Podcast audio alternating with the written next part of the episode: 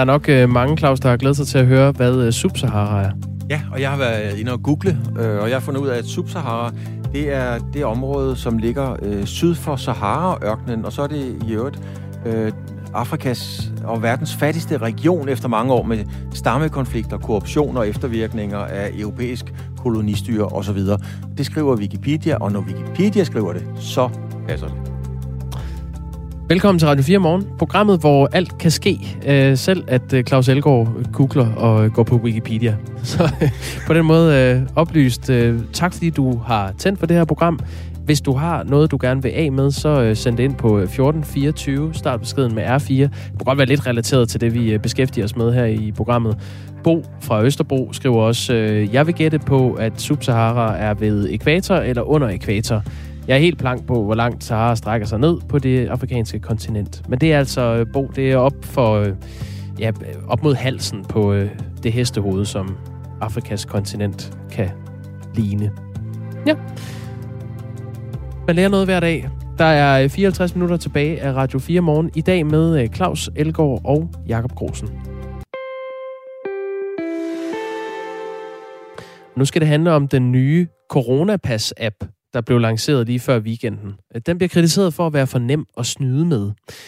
Appen er udviklet af Netcompany, som også har lavet Aula-appen. Den vil øh, forældre til børn øh, sandsynligvis kende.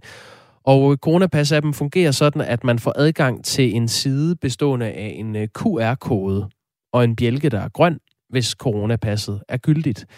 Problemet er bare, at man kan snyde ved enten at øh, affotografere et gyldigt coronapas, eller låne et gyldigt pas af en ven.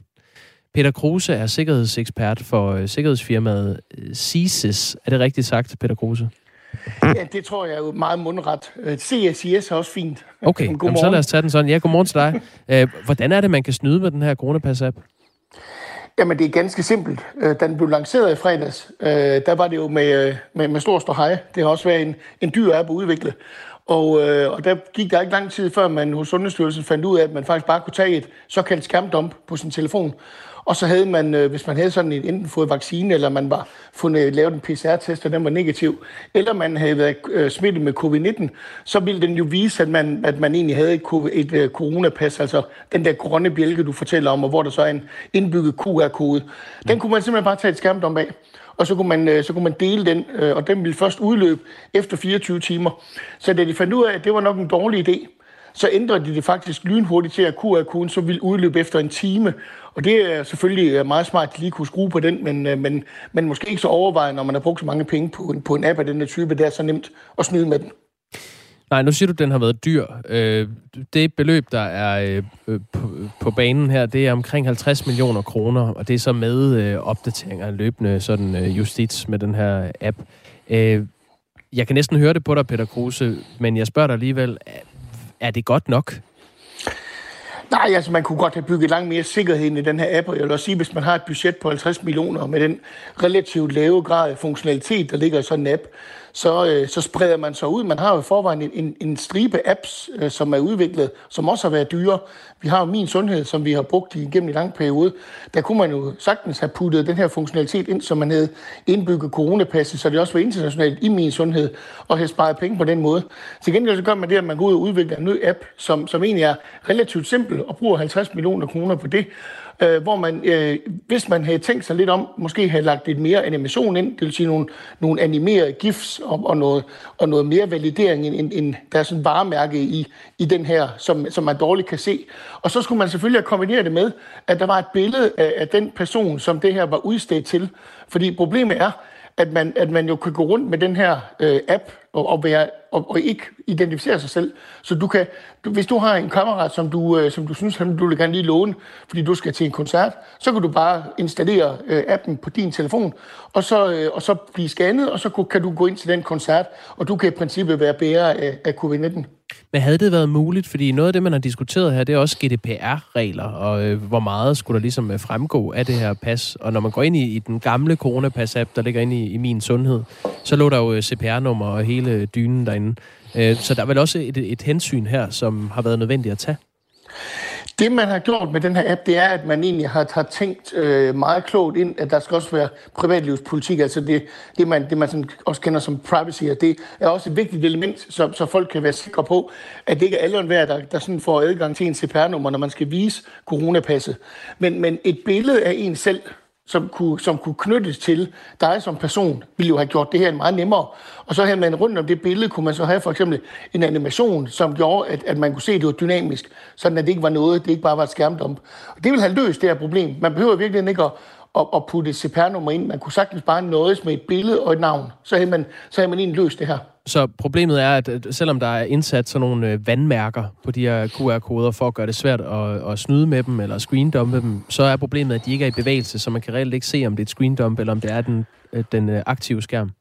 Ja, det er meget svært at se, øh, og, og, og det vil være helt umuligt at forvente, at restauratører eller frisører eller, eller, eller koncertfolk øh, ved, i dørene ved forskellige arrangementer, at de skal stå og kunne tage stilling til det. Det er, det er simpelthen ikke tydeligt nok, så man, man, man, kan, man kan faktisk ikke se det. Hvis du, tager, hvis du tester det selv og tager et skærmdump, så det eneste, der, der ikke er, der er jo den grønne bjælke, og der er øh, QR-koden. Det eneste, der ikke er, det er, at når du, når du drejer telefonen, så flytter vandmærket sig ikke med. Men det er så lidt, at, at det, det, kan man, det, har man simpelthen, det, det ser man simpelthen ikke. Nu bliver det lidt anekdotisk, men øh, jeg abonnerer på en streamingtjeneste, hvor øh, jeg kan ikke tage et screenshot, når jeg ser noget i den øh, streamingtjeneste på min telefon. Altså, der, når jeg tager et screenshot, så, så er der bare sort skærm, selvom der er noget på skærmen. Er, er det en, øh, en effekt, man kunne have lagt ind fra app-udviklerens side øh, på den her? Ja, der er plads til mange forbedringer, og jeg håber også, at de, øh, de kommer frem med, med flere tiltag, som gør, at sikkerheden i den bliver bedre. Fordi det her, det, det, det duer ikke på den lange bane. Der, øh, selvom at, at man taler om, at vi skal have tillid til hinanden, så, så, så det, står det jo i paradoxal kontrast til hinanden, at man, øh, at, man, at man udvikler en app til så mange penge, fordi man netop gerne vil have, at folk skal dokumentere, at de er øh, Øh, at de er enten vaccineret eller, eller ikke har covid-19, ikke? så har man så i coronapas. Men, men sagen er jo den, at, øh, at, at det, det, det nytter ikke noget tillid. Man kan ikke basere det her kun på tillid alene. Så der er masser af teknikker, man kan bruge. Blandt andet kunne man også bruge, og det er det, du taler om her, de her hvor man laver grafiske overlays, så, det, så, man ikke kan, så man ikke kan tage et direkte billede af det. Man kan også arbejde med dynamiske QR-koder. Og dynamiske QR-koder, der er den eneste ulempe ved det, det er, at øh, de fungerer jo dårligt i offline-tilstand. Det vil sige, hvis du, hvis du rejser med dit coronapas og skal til et land, hvor der måske er dårlig mobildækning, eller der er simpelthen ikke internet. Nej, eller, der behøver du altså ikke rejse. Øh, hvis du står i en, en kø med mange mennesker øh, samlet, så er der ingen mobildækning. Nej, og, og, og det er derfor, og det, det er mange gange derfor, at man, øh, at man øh, på grund af, altså, det er derfor, man formentlig har valgt, at, at der ikke skal være en, en dynamisk QR-kode øh, lagt ind, for det at være klart at foretrække, hvis man ser på sikkerheden i appen, så, øh, så ville det have været, så ville det klart have været foretrække. Men man kunne sagtens have kommet i land med det her med en statisk QR-kode, hvis det så var koblet med et billede, så var man kommet et langt stykke længere, men det har man så valgt ikke at gøre. Mm. Vores lytter Daniel skriver, hvad er egentlig problemet ved, at ens CPR-nummer står på coronapasset? Du skal vise ID, sygesikring eller kørekort og lignende. Der står dit CPR-nummer jo også. Det er fuldstændig rigtigt, og det kan man kan jeg godt forstå, at, at man undrer sig over. Øh, men sagen er jo den, når man bygger ting ind i en app, og, og man deler data ud øh, igennem en app, så ryger man ind i hele det her GDPR. Og det er jo, det er jo, det er jo både noget, hvor, hvor man, skal, altså, man skal overholde GDPR, og det bliver mere kompliceret, hvis man skal have CPR-nummer ind i en app. Så, så bliver det altså bare noget mere kompliceret at overholde GDPR. Det er den ene del af det. Og den anden del er, at, at, at øh, ja, altså at den i virkeligheden ikke rigtig har nogen, øh, noget at gøre i en app. Øh, det, det, det er nok, altså det er efter min bedste vurdering, så er det altså bedst øh, eller nok med, at man har et billede, og man har det fulde navn på personen. Det burde være nok til at identificere, uden man begynder at skulle dele CPR-nummer, som jo, som jo i virkeligheden er et elgammelt system, altså virkelig tusgammelt, det har jo eksisteret i 50 år, og, og skal jo også på et eller andet tidspunkt erstattes med noget, som er langt mere sikkert. Men for nuværende, så er det jo det, vi bruger til at identificere os med, når vi ringer til, til det offentlige, og når vi ringer til, til hvem vi nu handler hos, så bruger vi CPR-nummer mange gange. Men det er altså, for, det er altså forældet og baseret på en teknologi, som også er nem at kopiere. Vi taler altså med Peter Kruse, som er øh, sikkerhedsekspert fra øh, sikkerhedsfirmaet CSIS, og øh, Peter Kruse har observeret nogle, øh, ja, også nogle konkrete tilfælde af snyd i virkeligheden, Peter Kruse. Hvor, hvor mange er det, du, øh, du har lagt mærke til? Jamen, kun en, kun en håndfuld, men, men, øh, men jeg sidder altså kun øh, toppen af isbjerget. Øh, og det, det, vi kigger på, det er, øh, det er blandt andet på sociale øh, platforme. Øh, vi har øh, særligt øh, blik for, øh, for Facebook, hvor der er øh, mange lukkede grupper, hvor unge mennesker, de, øh, de, vi ved, de er friske til at dele både kopier af, af de her apps, altså når vi nu har set nogle af de her apps blive distribueret ud, mm. så har vi også set øh, blandt andet, dengang det, det første gang, de lancerede det første coronapas. I husker måske nok det der, det var bare et pdf-dokument, øh, som man kunne generere, øh, og så, så havde man også en QR-kode i det. Og det var jo øh, om, om end, endnu mere håbløst end det coronapas, vi har i dag, fordi der kunne man, der kunne man egentlig også bare tage et skærmt om det, og så ville det bare altid. Og samtidig med det kunne du ændre i det der pdf-dokument, så du kunne skrive lige præcis, hvad du har lyst i i dokumentet.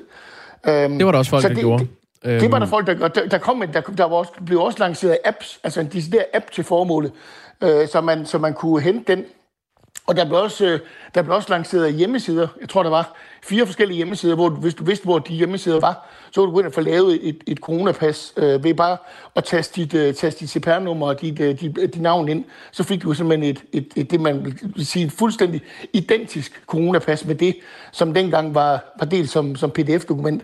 Så det, det, det, vi har godt vidst, at det her problem har eksisteret. Vi har godt været klar over, at, at folk har vil, øh, har vil misbruge det her, hvis de har været for doven til at gå ned og for, for eksempel at få taget en test.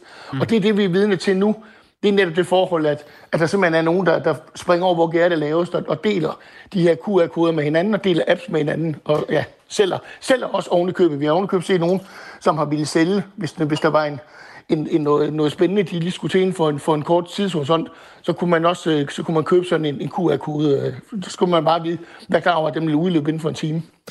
Det er altså øh, IT-virksomhederne Netcompany og Trifork, der har været leverandør på den her Coronapass-app, som ifølge Ritzau anslås til at koste omkring 50 millioner kroner. Peter Kruse, to spørgsmål i et. Hvad var det, de skulle have gjort anderledes, og er det her spild af penge? Ja, altså for at starte med, med det første, så, øh, så vil jeg sige, at der, der var mange ting, du kunne have gjort den her app langt mere sikker.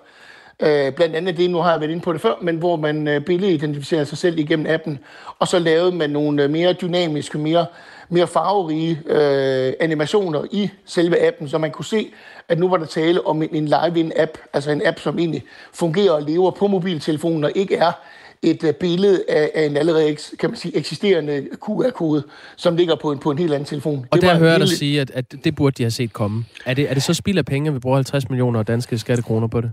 Ja, og så kommer så det næste svar. Det må jeg sige, det synes jeg, det er. Jeg synes, det, det er alt for dyrt, og, og det kunne sagtens have været gennemtænkt langt, langt bedre. Så derfor så, så, skal man, så må man lige op på hesten igen og se, om man kan få lavet nogle forbedringer på den. Det burde ligge i det budget, altså 50 millioner, og så sige, det var så det. Øh, så synes jeg ikke, det er pengene værd. Tak fordi du var med, Peter Kruse. Og velbekomme. God dag.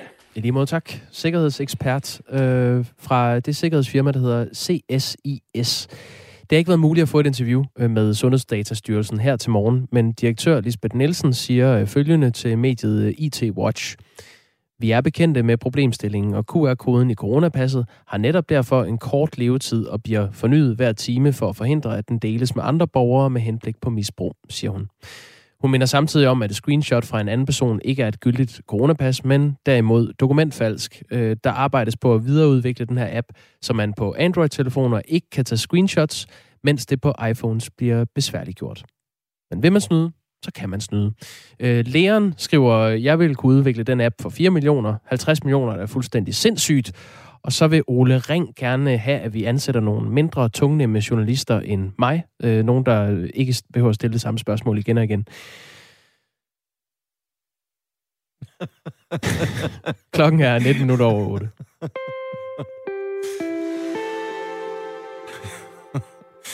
ja, så, så, således opmuntret skal vi videre til den næste historie. Og det er en af de historier, hvor mindst en af parterne ikke kan have ret. Hvem der får ret, det skal vi ikke blande os i, men vi vil gerne belyse historien. Det handler om EM i fodbold, det handler om billetter, det handler om uh, øh, DBU.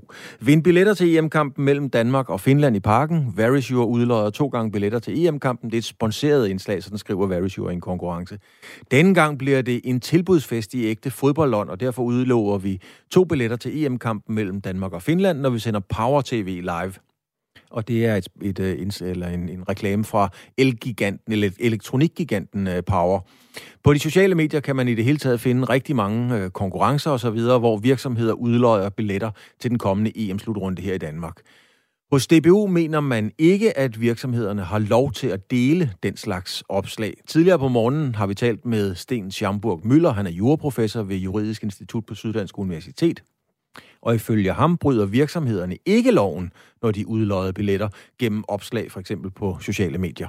Altså, jeg mener ikke, de gør noget ulovligt. Øhm, de øh, eksempler, jeg har set, der står der at for eksempel, at Very Sure, jamen, de har nogle billetter. Øh, dem vil de gerne udlåde. Det må de jo gerne gøre. Det er jo ikke forbudt. Og de bruger jo ikke, altså, det er jo ikke sådan, at, at, at øh, DBU eller, eller noget kommer til at fremstå som, at de støtter Very Sure eller sådan. Ikke? Jeg kan ikke se, at de har nogle rettigheder i den her sammenhæng. Og nu kan jeg så sige godmorgen til dig, Ronny Hansen. Du er DBU's kommercielle direktør. Og Ronny Hansen, godmorgen. godmorgen. Jeg får næppe kavlingprisen, hvis jeg siger, at jeg tror ikke, du er enig med professor Sten Schamburg Møller i hans udlægning. Nej, men det kan være, at jeg skal lægge mig op af den der sms, der kom tidligere, for jeg tror, det er et spørgsmål. Hvad for nogle spørgsmål, man stiller? Jamen, det er selvfølgelig rigtigt, men hvad mener du om vurderingen, der kommer fra Schamburg Møller? Han siger, jo i, han siger jo helt ret beset, at DBU har en dårlig sag, når I synes, det er ulovligt at lave de her konkurrencer. Ja, men det gør vi heller ikke. Det er lidt mere kompliceret end som så. Øh, det her med billetterne, det er jo et forhold mellem dem, der udlodder billetter, og så UEFA, som er dem, der udlodder, øh, eller som er dem, der sælger billetter til EM.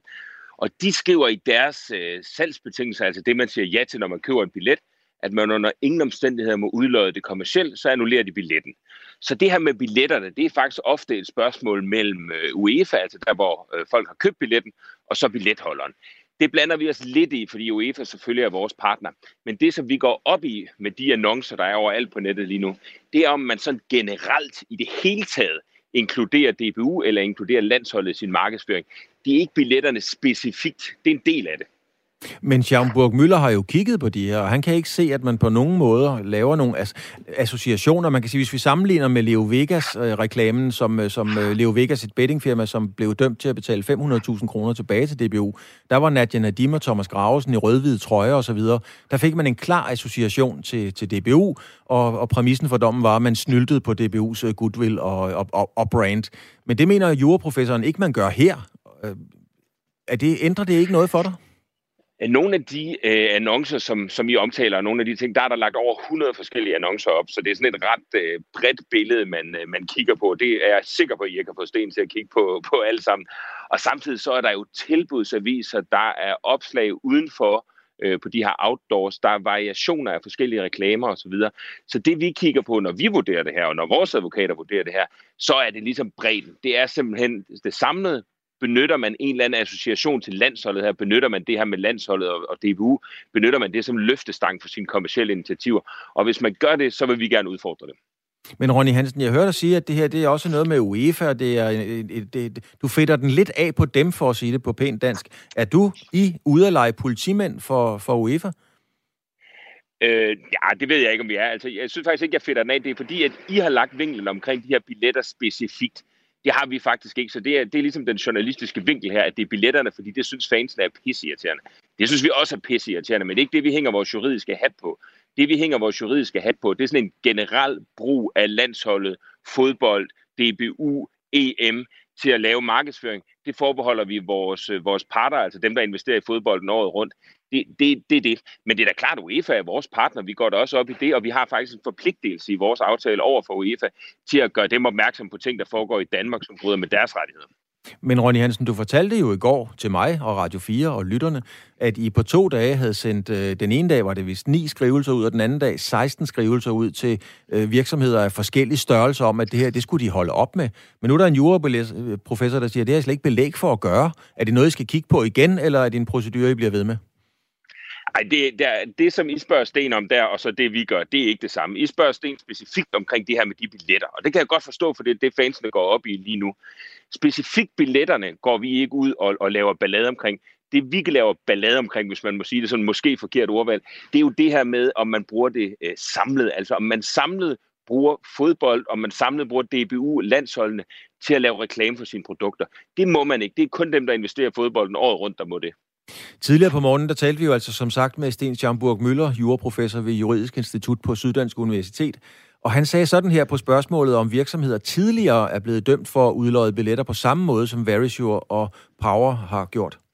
Øh, jeg kender ikke domme, der er, der er faldet i forhold til udlodninger. Som, som sagt er der masser af domme, altså hvor øh, forskellige firmaer bruger altså især navne, billeder på kendte personer, og det, det skal man bare holde snillerne fra, hvis ikke man har en aftale. Men jeg kender ikke øh, i, i, jeg kender ingen konkrete tilfælde. Så lad os lige tage den igen, Ronny Hansen. Altså ifølge juraprofessoren er der ikke eksempler, han kendte i hvert fald ikke til eksempler på, at virksomheder er blevet straffet for opslag, som Verisures og, og, og Powers. Øhm, hvor, altså jeg, du skal få, få, få mig til at forstå, hvorfor I alligevel har taget kontakt til dem og bedt dem om at fjerne de her opslag. Jeg, jeg har ikke fortalt dig, hvem vi har taget kontakt til. Jeg har sagt, at vi også har lagt mærke til de her annoncer, fordi vi vil helst ikke diskutere de, de enkelte sager. Det gør vi med, med virksomhederne. Men igen, jeg er overhovedet ikke uenig i det, øh, Sten han siger der, fordi det handler nemlig ikke om billetterne specifikt. Det handler om den samlede øh, reklamekampagne. Så hvis man bruger for eksempel kendte ansigter, hvis man bruger billeder, der skal forestille landsholdsspillerne, eller sådan på en eller anden måde give indtryk af, at det er landsholdsspillere, jamen så er man ude i noget, som Sten jo også nævner, som er, der ligger rigtig mange domme på. Ikke? Så vi kigger ligesom på det samlede. Det her med, at det kun skulle være billetterne, det er en vinkel, I har valgt, og jeg synes, det er god, fordi fansene går rigtig meget op i det, men billetterne er ikke det eneste, vi kigger på. Men hvorom alting er, så har I sendt, og det har du selv fortalt os, øh, en masse skrivelser ud. Og lad os lige høre, hvad juraprofessoren mener om den fremgangsmåde. Man kan jo diskutere, hvorvidt sådan større øh, virksomheder, eller hvad man skal kalde dem, altså sådan kan, kan, kan strø om sig med, med, med, med nah, trusler, måske så meget sagt, men altså ligesom, hey, det her, det må I ikke gøre, og sådan. Man kan opfordre folk til at lade være med at gøre det, fordi de generer virksomheden. Det er man jo velkommen til. Men at, at fremstille sig selv som at have sådan en juridisk position med nogle særrettigheder, som man ikke har, det, øh, det, det er jo ikke, øh, hvad hedder det, voldsomt sympatisk. Altså, ikke voldsomt sympatisk, Ronny Hansen. Er der noget, DBU skal være? Ja, nu skal jeg ikke blande mig i jeres øh, værdier, men I skal da for alt i verden fremstå sympatisk, må jeg mene. Øhm, hvad, hvad, hvad, hvad, hvad mener du om, om det? Er I ikke for store til det i DBU at få sådan et skudsmål fra en juraprofessor? I er ikke sympatiske? Ja, det er nu heller ikke det, han siger. Han har jo heller ikke læst skrivelserne. Men jeg kan godt forstå diskussionen. Altså, det er også noget, vi diskuterer meget internt. Hvor går grænsen? Altså, vi går ikke efter fans eller den lille bagermester eller noget lignende. Det kunne vi aldrig finde på.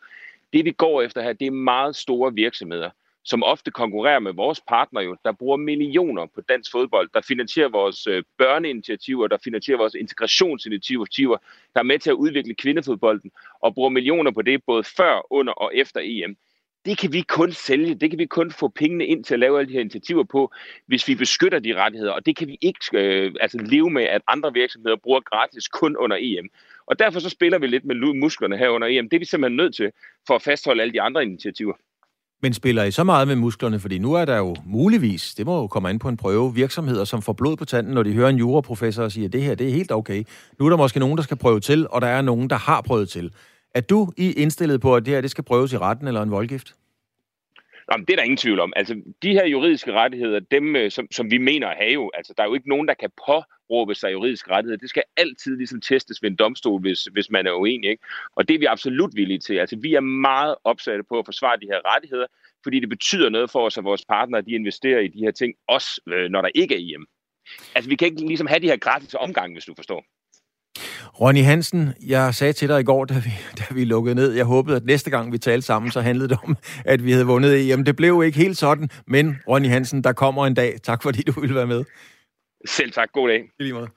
Og det var altså Ronny Hansen, DBU's kommercielle direktør, i, øh, med sit indlæg i striden om, hvorvidt det er lovligt eller ikke lovligt at for eksempel lave reklamer, hvor man udløjer billetter til VM, EM undskyld, i Danmark. En juraprofessor siger, det må man gerne. DBU siger, nej, det må man før det interview med Ronny Hansen øh, beskæftigede vi os med de her øh, sikkerhedsbrist, der er i den nye Coronapass-app, som er udviklet af Netcompany og Trifork. Den hedder bare Coronapass. Og øh, Thomas Hansen lytter med fra Roskilde og skriver, kunne I ikke lige fortælle lidt om strafferammen for dokumentfalsk? Måske nogen så vil genoverveje risikoen ved at snyde med coronapasset. Det er jo ikke første gang, I får at vide det der dokumentfalsk, så undrer mig lidt over, at I ikke har gjort det endnu, skriver Thomas Hansen. Og øh, jo, Thomas, øh, strafferammen for dokumentfalsk er øh, i udgangspunktet øh, alt fra en bøde til to års fængsel. Hvis det er særligt grove tilfælde øh, af dokumentfalsk, så kan den tiltalte idømmes op til seks års fængsel. Det er jo så den, øh, den generelle strafferamme. Jeg tror, vi er endnu til gode at se, om, øh, om det bliver en endnu hårdere straf, hvis det er corona-relateret. Seks års fængsel, det er alligevel noget. Det er da til noget, man kan, kan mærke. Så øh, jo, det er svar på dit øh, spørgsmål, Thomas. Tak for sms'en. I øvrigt, nummeret er 1424, hvis du har noget, du gerne vil spørge om eller skrive til os. Og start beskeden med R4. Lige nu er klokken halv ni.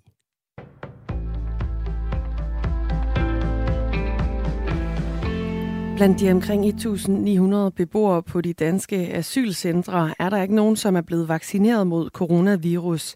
Det fremgår et svar, Radio 4 har fået fra landets fem regioner. Den 15. april trådte en ny lovgivning ellers i kraft, og den sikrer vaccination mod covid-19 til personer med midlertidigt ophold i Danmark af en varighed på mindst 30 dage, herunder også asylansøgere. Og de manglende vaccinationer møder kritik fra flere organisationer, blandt andet Refugees Welcome, det yder juridisk rådgivning til asylansøgere, og her er Michaela Bendiksen for kvinde. Der er ingen tvivl om, at det eneste rigtige er at give dem den vaccination øh, på, på, på samme vilkår som den danske befolkning. Vaccinationsindsatsen foregår på asylcentrene ud fra et princip om gennemsnitsalder, hvor datoen for, hvornår beboerne bliver tilbudt en vaccination, bliver fastlagt ud fra gennemsnitsalderen blandt beboerne på det enkelte asylcenter. Og, den, og det følger man i Region Syddanmark, fortæller koncerndirektør Kurt Espersen. Men man kan også opdele vaccinationsindsatsen, så de mest sårbare og ældste asylansøgere bliver vaccineret først. Vi, vi har jo øh, valgt at følge det, der står, at det skal være et aldersgennemsnit. Øh, og det er ud fra flere betragtninger. Dels øh, har vi jo ikke fået alle de vaccinationer, øh, som vi øh, havde håbet på, at leverancerne har ikke fulgt med det, den efterspørgsel, der er. Og så for det andet, så øh, er det jo også en logistisk øh, stor øh, indsats, der skal gøres med et udkørende team. Så derfor så har vi valgt at holde fast i, at vi vaccinerer efter et aldersgennemsnit. Og aldersgennemsnittet blandt asylansøgere i Region Syddanmark er 35 år, fortæller Kurt Espersen. I Danmark, uden for asylcentrene, har over 2 millioner borgere fået første vaccinestik mod covid-19, og det svarer til næsten 40 procent af befolkningen, viser tal fra Statens Serum Institut. USA's præsident Joe Biden vil suspendere flere aftaler om at udvinde olie og gas i et stort naturreservat i delstaten Alaska. Det sker indtil aftalernes miljøpåvirkning er blevet undersøgt, oplyser USA's indrigsministerium. Og herefter vil det så blive afgjort, om aftalerne vil blive genoptaget eller annulleret helt, skriver ministeriet. Beslutningen ses som en omgørelse af tidligere præsident Donald Trumps forsøg på, på at udvide udvindingen af fossile brændstoffer og mineraler i USA, heriblandt Alaska. Og Biden lovede under sin præsidentvalgkamp, at han ville gøre alt for at beskytte naturreservatet i Alaska. I Aarhus Kommune er smittetallene lige nu stigende, og det er især en aldersgruppe, som er ramt, skriver TV2 Østjylland. Knap halvdelen af de coronasmittede i kommunen er nemlig unge under mellem 20 og 29 år, hvor en stor del går på de videregående uddannelser. Aarhus Kommune nedsatte ellers i september sidste år en særlig ungekriseledelse, som netop skulle sørge for at nedbringe smitten blandt unge, men i februar lukkede kommunen projektet, da smitten igen var lav. Folketinget skal i dag afholde afslutningsdebatten for det folketingsår, der går på held. Den afvikles hvert år, når det politiske år rundes af og lovarbejdet indstilles. Og når statsminister Mette Frederiksen møder op til afslutningsdebatten, kommer hun blandt andet til at forsvare regeringens beslutning om at hente op mod 19 børn og tre mødre med dansk tilknytning hjem fra fangelejre i Syrien. Forud for debatten, der ligger det emne netop særligt oppositionspartierne Venstre og Dansk Folkeparti på scene. Og blandt støttepartierne Radikale og SF, der vil to af de gennemgående temaer blive folkeskole og klima. Det bliver med byer flere steder i landet, især mod vest, som også kan være med torden, men der kommer også perioder med lidt eller nogen sol. Temperaturerne rammer mellem 15 og 18 grader, og vinden den bliver lidt til frisk omkring øst. Det var nyhederne på Radio 4 med Dagmar Eben Østergaard.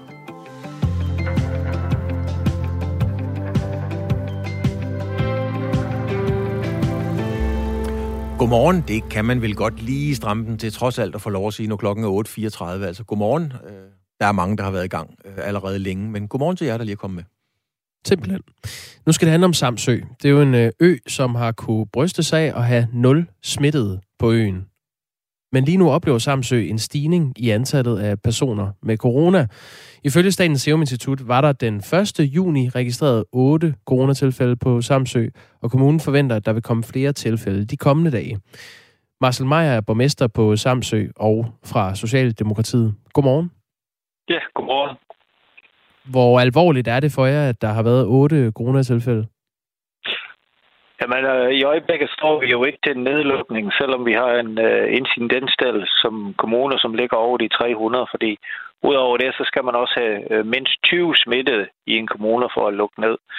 Men jeg er da bekymret, øh, også når jeg ved, at øh, ja, vi kender nogle af de smittekæder, der har været i gang, og der er flere, der forventer svar på en PCR-test, så det kan godt løbe op i de kommende dage, så jeg er bekymret.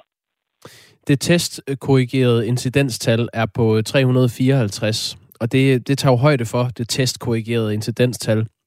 Øh, tager højde for den aktuelle testaktivitet i en kommune, da incidenstallet er afhængig af, hvor mange der bliver testet i kommunen, og dermed øh, hvor mange smittetilfælde man finder. Så jo flere man tester, desto flere tilfælde finder man øh, åbenlyst. Tallet på Samsø er PT det højst testkorrigerede incidenstal i øh, hele kongeriget Danmark. Kender man noget til årsagen til den stigning, der øh, foregår på jeres ø lige nu?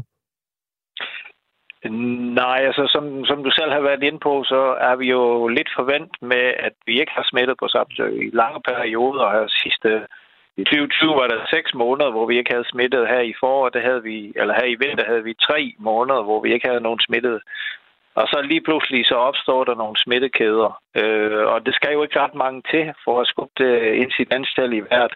Plus at øh, på den ø som Samsø med 3.700 indbyggere, så tester man ikke med PCR hver dag, og det får også øh, incidenstallet til at stige øh, ind i vejret. Øh, så, så der er nogle forskellige statistiske øh, ting i gang, men altså det jeg er bekymret for, det er, hvis vi skal til at lukke skoler og restaurationer ned igen her i juni, øh, hvor vi jo næsten er i mål med at komme rigtig langt med, med vaccinationerne. Øh, vi er øh, nået til 50 procent af befolkningen, som er vaccineret med første stik. Ja, befolkningen på Samsø. Ja, på, på Samsø, ja. Øh, igen, altså kilden til, til smitten, er det, er det en, I har fundet frem til gennem uh, smitteopsporing? Øhm, nej, man kan sige, på en ø som Samsø, så har vi næsten vores egen smitteopsporing. Uh, vi får jo ikke uh, navnene uh, som kommune, men vi får øh, gaderne, øh, adresserne nærmest, øh, og så ved vi jo så også, øh, hvilke historier, der, der går rundt på øen. Så vi kan nogenlunde spore os ind til, hvor smittekæden er hen. Øh, og, og der er også øh, sådan set også øh, en, en god dialog øh, med, med de, øh, de smittede, hvis vi kan komme til, hvis der er nogen grund øh, til at tage kontakt til dem. Ved du, hvor øh, smitten er, er kommet ind hen? Jamen, der er ikke kun tale om én kæde. Der, der er flere kæder på Samsø. Men øh, ja, vi, vi kender godt, øh, vi kender godt øh, smittekilden. Ja. Med sådan et, et højt incidenstal følger jo netop øh, frygten for, for nedlukning, som du også er inde på, øh, Marcel Meyer. Hvad har du fået at vide af myndighederne om en mulig nedlukning på Samsø? Jamen altså, vi er jo, vi er jo ikke der, derhen endnu. Øh, man kan jo også sige, øh, når vi kommer lidt længere hen, så er det jo også nogle af de gamle smittetilfælde, som falder ud igen. Men øh, du kan tro, at jeg holder øje med tallene fra dag til dag nu her, fordi øh, ja, jeg kunne, vil virkelig ikke ønske, at vi skal til at lukke ned herover. Det er klart. Altså, hvordan, hvordan ser du egentlig på det? Fordi det er jo noget, vi også har nævnt flere gange i det her program, at Samsø er en, øh, en kommune, som er gået fri i lang tid. Altså, man har simpelthen ikke øh, haft nogen tilfælde. Øh, og nu kommer det så her, hvor øh, pandemien er øh, for aftagende. Øh, hvor ærgerlig er du over det? Ja, det, det, det er virkelig ærgerligt over, øh, fordi vi er så tæt på målet, øh, og vi kan se hen i en situation i august, hvor, øh, altså, hvor nærmest alle øh, er vaccineret, ikke? Også, så det er, der, det er der godt nok meget, meget ærgerligt over, når vi er, når vi er så tæt på. Men altså, jeg har også øh, allerede sidste år sagt, øh, da vi var i oktober, og de første smittetilfælde øh, begyndte at komme frem på Samsø, om, om ikke vi kunne få lidt større frihedsgrader som kommuner, fordi der kunne vi jo bare, der var, var det jo ikke rigtig nogen, der var vaccineret endnu, og på det tidspunkt, der frygtede jeg virkelig, at det ville komme ind på vores plejehjem. Men vi fik ikke lov til at få flere restriktioner, for jeg ved jo også godt, at der er rigtig mange relationer på kryds og på tværs på sådan en ø, så når der først kommer her, så kan det sprede sig lynhurtigt. Øh, og det, det kunne vi ikke få lov til dengang. Og der så vi også, at det kom ind på vores plejehjem. Så vi ligger lidt mere isoleret, og vi kan blive fri i lange perioder. Men når der så kommer, øh, så kan der også sprede sig lynhurtigt herover. Så er det måske meget godt, at I ikke øh, åbnede helt op, eller hvad? Det, det er, jamen, ja, du kan tro, altså, i, det, i det, de, de tre måneder, hvor vi ikke havde nogen smitte på Samsø, så er nok blevet ringet op af mindst 20 journalister, som virkelig ønskede, at jeg sagde, at vi skal have flere friheder, vi skal åbne mere op. Og jeg hele tiden holdt fast ved, jamen jeg er så glad for, at vi ikke har smittet. Men det kan altså lynhurtigt gå den anden vej, og det viser sig jo nu her. Hvordan kommer I til at forhindre, at smitten øh, udvikler sig på Samsø? Jamen, det gør vi jo på, på samme vis, som man gør det andre steder. Altså, vi har jo øh, rigtig gode testfaciliteter. Øh, vi øh, opfordrer folk til at være varsom øh, i den her situation, og, og så er jeg også sikker på, at de smittekæder, vi kender, de er meget ansvarlige. Kan du mærke det på, på beboerne på øen, at, at der er en, en smittesituation, som er væsentligt anderledes end tidligere nu? Øh, jeg vil sige, det er noget af det første, man taler om, når man møder nogen på, på gaden eller i supermarkedet, som man kender og lige skal snakke med. Sommeren står for døren. Ja, den er her jo sådan set allerede, men sommerferien øh, kommer også om ikke så forfærdeligt længe, Marcel Meyer. Det er jo typisk der, man, særligt når man skal behold, øh, opholde sig i Danmark, tager til Samsø. Øh, frygter ja. du for, at, øh, at det her det betyder noget for den turisme, I kan opleve? Nej, det, det gør jeg egentlig ikke, det, det håber jeg heller ikke. Altså, og vi havde også diskussionen sidste år, specielt omkring påske, da, da corona var temmelig ny i Danmark. Jamen, skal man nu komme i sommerhusene, og hvor stor er faren for, at man tager smitten herover? Øh, og der, der bliver jeg bare nødt til at sige, at øh, vi har jo, som jeg sagde, sådan rimelig godt kendskab til de smittekæder, der har været og er. Og jeg kender simpelthen ikke nogen tilfælde af, at man bliver smittet af turister. Altså man bliver smittet af, af venner, man bliver smittet af familie, man bliver smittet af kolleger, men man skal altså væsentligt tættere på. Øh, og selvom vi er meget venlige over for turisterne, så går vi ikke og krammer dem. Så, så der, der, der, er ikke nogen, der er ikke nogen forbindelse der. Øh, og vi, der er trods alt kun tale om 8 i øjeblikket. Så det skal man ikke være bange for. Marcel Meyer, nu har vi øh, gået om varme grød med de øh, smittekæder øh, gennem hele det her interview. Øh, der er en lytter, der, der rigtig, rigtig, rigtig gerne vil vide, hvor kommer den smittekæde fra? Du behøver ikke at nævne nogen navne, øh, skriver vedkommende. Vil du, øh, vil du gå ind i den del? Jamen som jeg sagde før, altså smittekæderne, det er jo familie, det er venner, det er kollegaer. Altså, jamen, det må jo kom, være kommet fra et andet sted end Samsø, ind på øen. Ja, ja, det er det. Det er det. Mm. Det, det er rigtigt, ja. Så det er nogle beboere på øen, der er blevet smittet af nogle venner, der ikke bor på Samsø? Ja, venner eller familie, eller kollegaer. Ja, det er... Det lyder meget almindeligt. Uh, Marcel Meyer, ja, tak fordi du var med. Ja, selv tak da. Altså, Godt. borgmester på uh, Samsø fra Socialdemokratiet. Klokken er øh, 17 minutter i 9 på denne onsdag. Her i studiet er Claus Elgaard og øh, jeg selv, Jakob Grosen.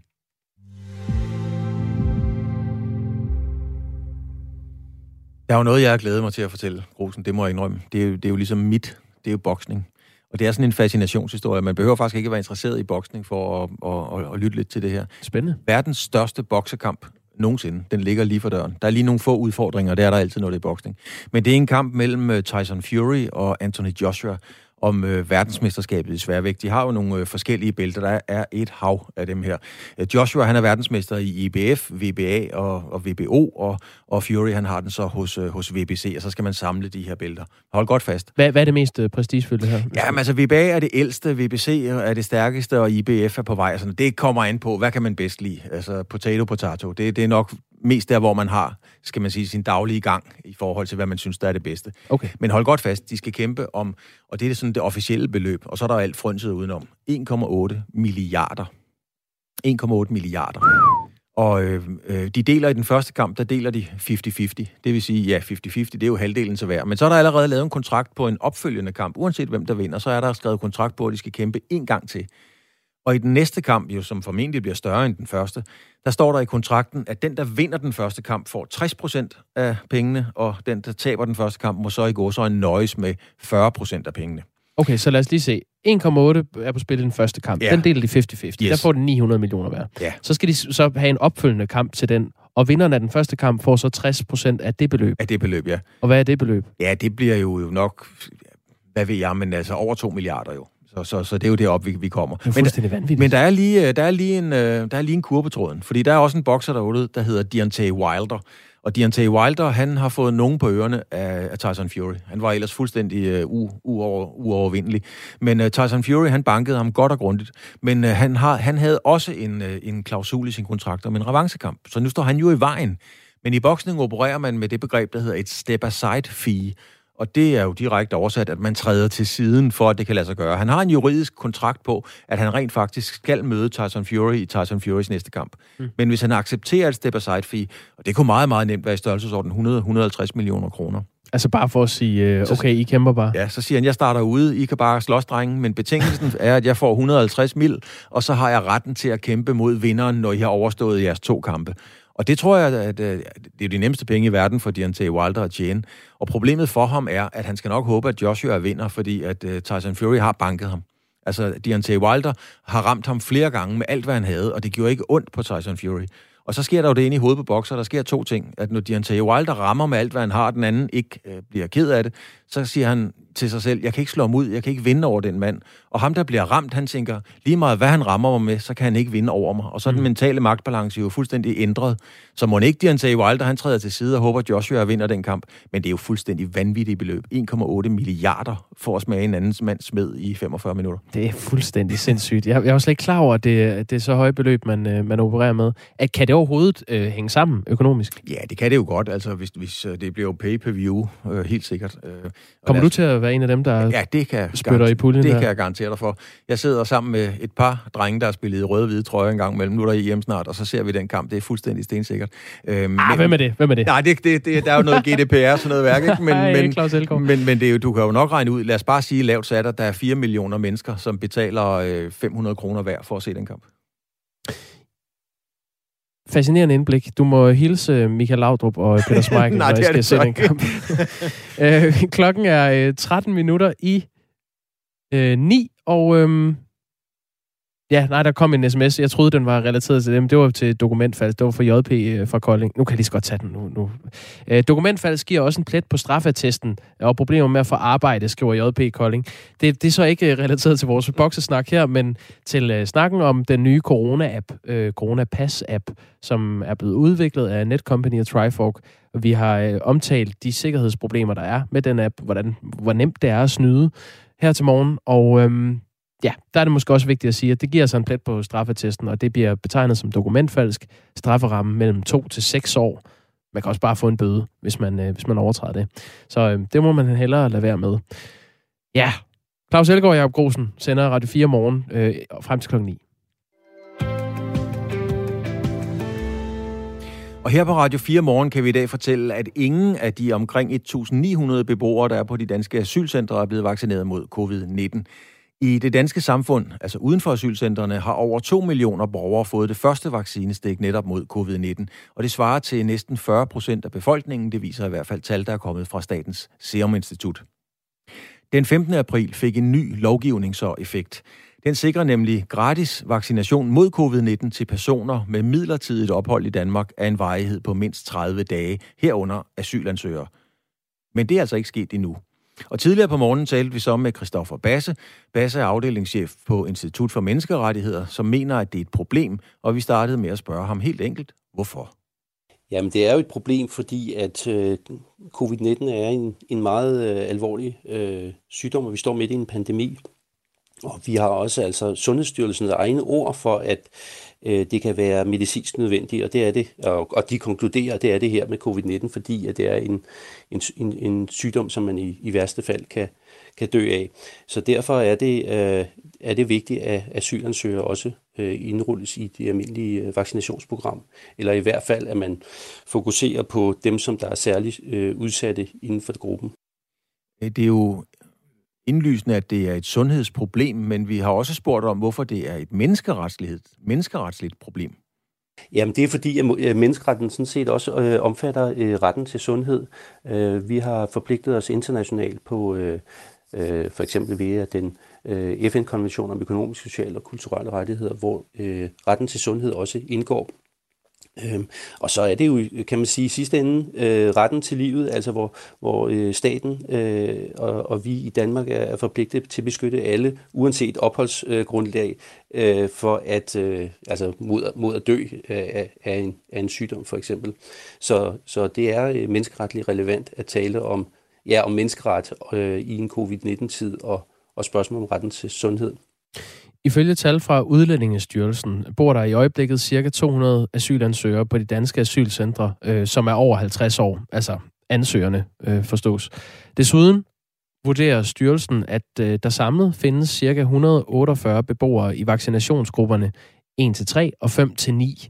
Og den gruppe, der hedder 5, øh, dækker over udvalgte patienter med særligt øget risiko, som det hedder. Øh, og i forhold til den gruppe oplyser Udlændingestyrelsen til os her på Radio 4, at der aktuelt findes cirka 90 øh, beboere på asylcentrene, altså patienter med særligt øget risiko i forbindelse med smitte med corona. Og ingen af dem er altså blevet vaccineret. Det gælder, øh, normalt er der nogle andre sundhedsmæssige rettigheder for asylansøgere end for danske statsborgere. For eksempel anses de offentlige vaccinationsprogrammer normalt ikke som en nødvendig sundhedsmæssig ydelse for voksne asylansøgere, som derfor ikke får tilbudt øh, for eksempel en influenza-vaccine. Derfor spurgte vi Kristoffer Basse fra Institut for Menneskerettigheder, hvorfor der gælder andre regler, når vi taler om covid-19-vaccination. Fordi at covid-19 er, øh, altså det er vurderet som en, og det, altså det er en alvorlig øh, øh, sygdom, og det vil sige, at vores egen sundhedsstyrelse har, har faktisk sagt, at vaccination i særlige tilfælde, for eksempel under en pandemi, kan anses for at være medicinsk nødvendig. Og medicinsk nødvendig, det betyder altså, at det er en alvorlig, at det er vurderet som en alvorlig øh, situation, og, øh, og det er altså ikke øh, en almindelig influenza, vi taler om. Så der er nogle andre konsekvenser, hvis man undlader at vaccinere. Og derfor de almindelige regler om, kan man sige, vaccinationsprogrammet, hvor man ikke, hvor man ikke tilbyder det almindelige vaccinationsprogram for asylansøgere, det, det, det er altså, det er, der, der gør man en undtagelse her, fordi det er en alvorlig, alvorlig sygdom. Så det er den, den forebyggende del, øh, det forebyggende og behandle, øh, som også er en del af menneskeretten, hvor man skal forebygge og behandle i epidemiske sygdomme det, det har altså øh, Sundhedsstyrelsen altså øh, anerkendt det behov, så, så derfor er det lidt mærkværdigt, at man har den her, øh, den her regel på, på 50 år som, som gennemsnit på, på centrene, før man begynder at foretage sig noget. Og det resulterer jo selvfølgelig i, at, at de her øh, ældre beboere, de ikke er blevet vaccineret nu. Og det, er jo, det, er jo en, det kan jo vise sig at være en alvorlig situation for dem. Det sagde altså Christoffer Basse, som er afdelingschef på Institut for øh, Menneskerettigheder. Vi snakkede også med Kurt Espersen. Han er koncerndirektør i Region Syddanmark, som er den region, der har allerflest asylcentre. Nemlig fire, herunder et øh, børnecenter.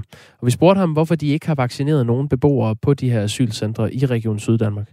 Ja, men vi har jo fuldt Sundhedsstyrelsens øh, vaccinationskalender øh, helt nøje. Vi øh, følger øh, alle de notater, der kommer fra Sundhedsstyrelsen. Og der har vi modtaget et notat fra den 10.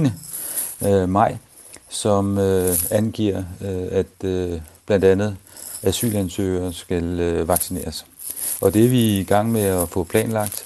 Det er ikke en nem opgave, øh, fordi det er jo ikke øh, de her asylansøgere asylansøgere har jo ikke nogen øh, CVR-nummer, og derfor så er det svært at få ind i alle vores øh, elektroniske øh, sundhedssystemer.